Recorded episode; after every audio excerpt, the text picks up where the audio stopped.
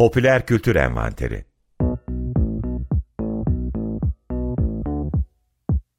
I had a name, but never mind. Never mind. Never mind. The war was lost. The treaty signed. Hazırlayan ve sunanlar Nilgün Tutal ve Kerem Yalçıner. I was not caught,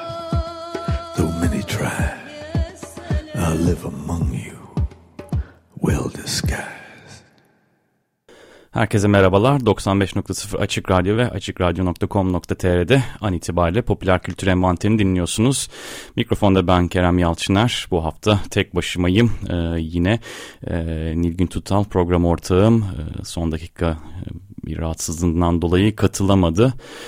Ee, aslında kendisiyle yapmak istediğimiz konu daha çok e, polisiye romanlar, polisiye türü üzerine hani dizileri, filmleri de içine alacak şekilde, film nuara da içine alacak şekilde bir program yapmaktı. Ama e, son dakika böyle bir gelişme olduğundan dolayı e, konuyu birazcık yine popüler kültür e, formlarından biri olan e, çizgi romanlara, grafik romanlara çevirmek e, aklıma geldi. E, bu konu üzerinde bir program yapmayı e, düşünüyorum. Tabii e, çok geniş bir alan olduğu için yine e, daha çok aslında birazcık e, tarihçesinden, tarihselliğinden bahsedip e, bugüne e, yani çizgi romanlıktan hatta e, antik çağlardan hatta mağara resimlerinden itibaren buralara kadar grafikle anlatımın e, bugüne kadar e, nasıl bir evrim geçirdiğini işte çizgi roman, e, komik strip dönemlerinden süper kahramanlar işte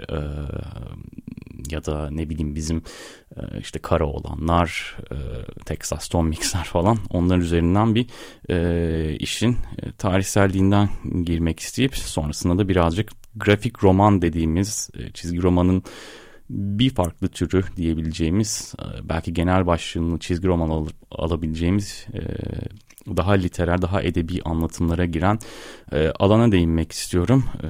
Şahsen bu alana ilgim de benim bu dünyaya tabii yani birçok e, insan gibi çocukluk yaşta okunan işte Texaslar, Tom Mix'lerle falan başladı. Daha sonrasında Asterix, e, Tintin gibi e, şeyler devam etti ama özellikle e, bu program yapmak istemek nedenlerinden biri de e, birkaç tanesini ben de çevirmiş bulundum. Özellikle grafik roman alanında e, onun için böyle özel ilgili alanlarından biri olduğundan dolayı bu konuda rahat bir program yapabilirim diye düşündüm.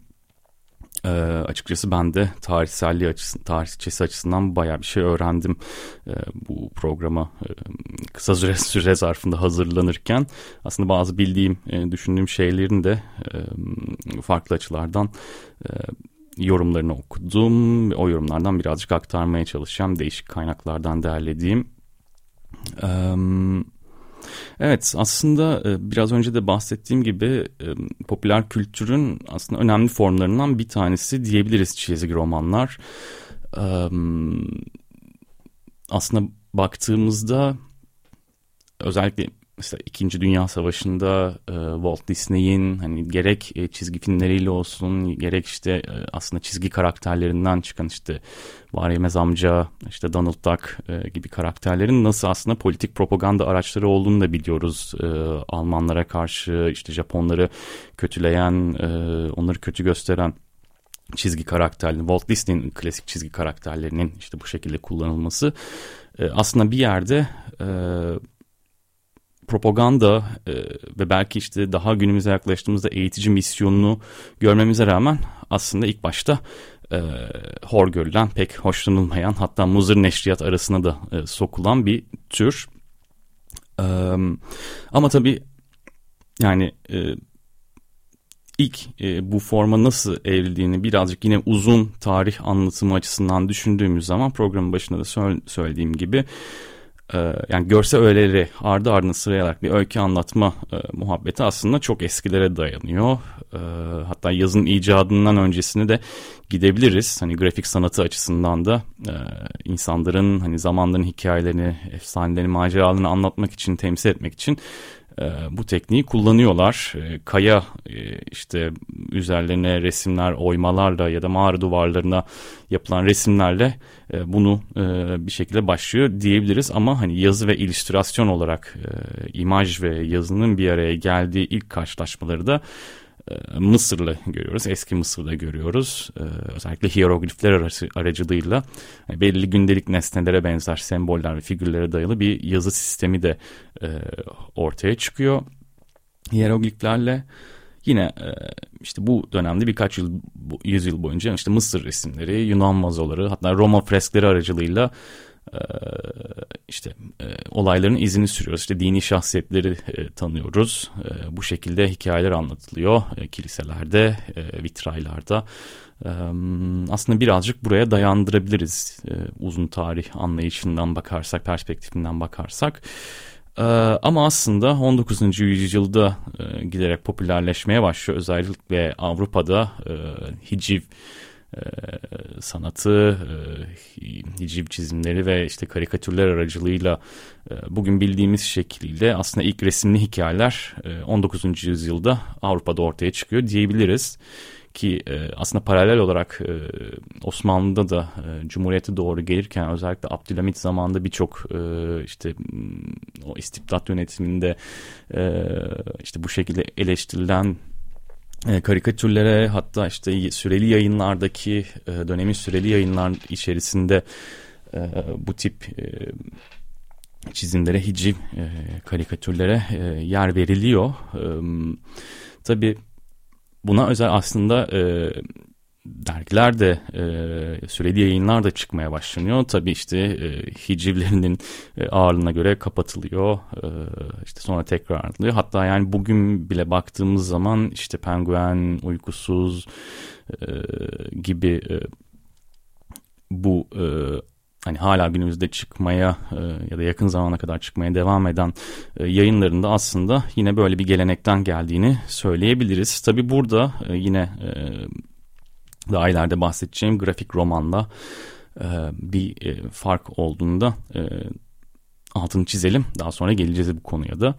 İlk başta dediğimiz gibi e, 19. yüzyılda e, Avrupa'da e, bu şekilde resimli hikayeler ortaya çıkıyor ve e, dönemin e, İngiltere'sinde 1800'lerde e, en ateşli ve siyasi bağ, e, sosyal bağlamın e, en ateşli olduğu zamanlarda işte e, işte Napolyon savaşları e, işte Amerika ile ikinci bağımsızlık savaşı gibi işte dönemlerde aslında ilk gördüğümüz İngiliz illüstratör Thomas Rawlinson 1809'da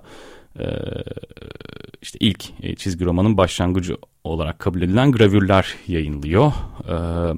Tabii bunlar politik hiciv ve işte sosyal gözlemleri anlattığı ki zaten Rawlinson da bu e, yetenekleriyle tanınıyor. E, üretken bir sanatçı ve aslında matbaacı olan Rawlinson e, bireysel ve sosyal e, de politik e, hicivlerin yanısına yanı sıra e, roman ve mizah kitaplar da yayınlanıyor. Hatta topografik eserler içinde bir sürü illüstrasyon üretiyor. Evet aslında çağının diğer karikatürist, karikatüristleri gibi e, baktığımız zaman karikatürlerin çizgisine daha kaba saba ve müstehcen şeyler çiziyor. E, hatta bununla birlikte özel bir müşteri kitlesi için e, tabii yayınlanmayan, halka açık olmayan erotik eserlerini de ürettiğini e, biliyoruz. E, fakat bunlar tabii e, çok az sayıda işte koleksiyonerlerde e, bulunabiliyor. Yani şahsen e, görmüş e, değilim. Ee, internette de zaten çok az e, örneğine rastlanıyor. Ee, daha sonra e, 1809'dan bahsetmiştik Thomas Rawlinson'ın ilk işte çizgi romanın başlangıcı kabul edilen çizgi gravürleri yayınladığını. Daha sonra çok kısa bir süre sonra e, 1837'de İsviçreli sanatçı Rudolf Töffer e, bir hikaye içinde çizimleri e, çizimlerin yer aldığı 40 sayfalık bir kitap e, ortaya çıkarıyor. Obadiah Oldbuck'ın Maceraları isimli. E, bu da işte Rawlinson'ın çalışmalarından ilham alan bir e, eser olarak çıkıyor ve yine aslında 19. yüzyılda e, çizgi romanın e, karikatür ve hiciv yönü özellikle 1859'da e, Almanya'da işte o coğrafyadaki Alman sonradan Almanya olacak coğrafyadaki e, çeşitli gazetelerde yayınlanan Max ve Moritz ünlü e, adlı ünlü hikayeyi e, hikayeyle kendisini göstermeye başlıyor e, çizgi romanlar. E, Max und Moritz e, A Story of Seven Boyish Pranks e, e, manzum olarak aslında Almanca yayınlanan resimli bir hikaye. E, tamamen kafiyeli beyitlerle e, beyitlerden oluşuyor ve aslında kara mizahi bir hikaye. E, Wilhelm Busch tarafından yazılıp çiziliyor ve 1865'te de e, yayınlanıyor. E, İngilizce bu komik dediğimiz, comic strip dediğimiz işte e, çizgi bantların e, e, bantlardan bahsetmeye de e, ilk olarak e, bu sefer de Richard Felton Oldcalt'ın e, The Yellow Kid ile başlıyor. Bu da yine 19. yüzyılın sonlarına tekabül ediyor. Amerikan gazetesi New York World'de çıkan Yellow Kid isimli eser. Burada hem Michael Duggan adlı alışılmadık karakteriyle yenilikçi bir diyalog kullanımını görüyoruz bu karakter üzerinden. ABD'de ilk kez bir illüstrasyonun ayrıca burada önemli bir nokta aslında çizgi roman tarihi içerisinde. E, ilk defa e, bugün işte çizgi romanı çizgi roman yapan popüler e, işte konuşma balonları e, kullanılıyor. İşte o ünlemler e, şeyler. İlk defa The Yellow Kid isimli New York World isimli gazetede çıkan e, Amerikan gazetesinde çıkan e, eserde görüyoruz, çizgi eserde görüyoruz. Daha sonra çizgi romanlara ayrılmış e, ilk dergiler 19. Yüzyıl, 19. yüzyılın sonunda çıkıyor ama e, Funnies on Parade adlı ilk çizgi romanın doğuşunu 20. yüzyıla tekabül ediyor. Bu kitap 1910 yılında The Funnies dergisinde aylık olarak yayılan baskıları içeriyor. Bu şekilde tarihte çizgi roman tarihinde çizgi romana ayrılmış e, özel bir yayın olarak e, tarihe damgasını vuruyor. E, ama aslında baktığımız zaman bundan çok kısa bir süre sonra 1920'lerden itibaren bugün işte biraz önce de bahsettiğim e, o komik stripler anlamında işte Temel Reis, Popeye, Winnie the Pooh ya da Tenten gibi sembolik karakterler aslında çizgi romanların popüler olmaya, bunlarla çizgi romanların popüler olmaya başladığını görüyoruz. Ee, özellikle e, Fransa'da işte ilk zamanlarda Mickey Parade e, dergisinin ya hatırlıyorum hala da sanıyorum çıkmaya devam ediyor. Ee, o aslında o da işte Avrupa'da özellikle Fransa'da bu kültürün birazcık yayılmasında e, etkili oluyor diyebiliriz. Ee, daha sonrasında aslında bu da yine İkinci Dünya Savaşı e, sırasına ve hatta sonrasına tekabül eden e, işte propaganda e, amacı güden ve işte bu süper kahraman e, hikayelerinin başladığı zamanı görüyoruz. İşte daha sonra bu Marvel DC gibi e, önemli yayın evlerinin oluşumuna doğru gidecek bir sürecin başlangıcı oluyor. İşte Kaptan Amerika, işte Sovyet Rusya, nükleer tehditte karşı fantastik dörtlü bu gibi karakterlerin çıktığını görüyoruz ve işte süper kahraman e, çizgi roman edebiyatı da birazcık başlamış oluyor. Aslında evet yani tabii bundan önce yine comic strip e, kültüründe şeylerden de bahsetmek gerekiyor. Um, Snoopy, işte Mafalda gibi e, karakterlerde bunlar da tabii gazetelerde e, işte belli başlı böyle altı e, kareden oluşan işte beş kareden oluşan e, şeyler olarak e, çizgi e,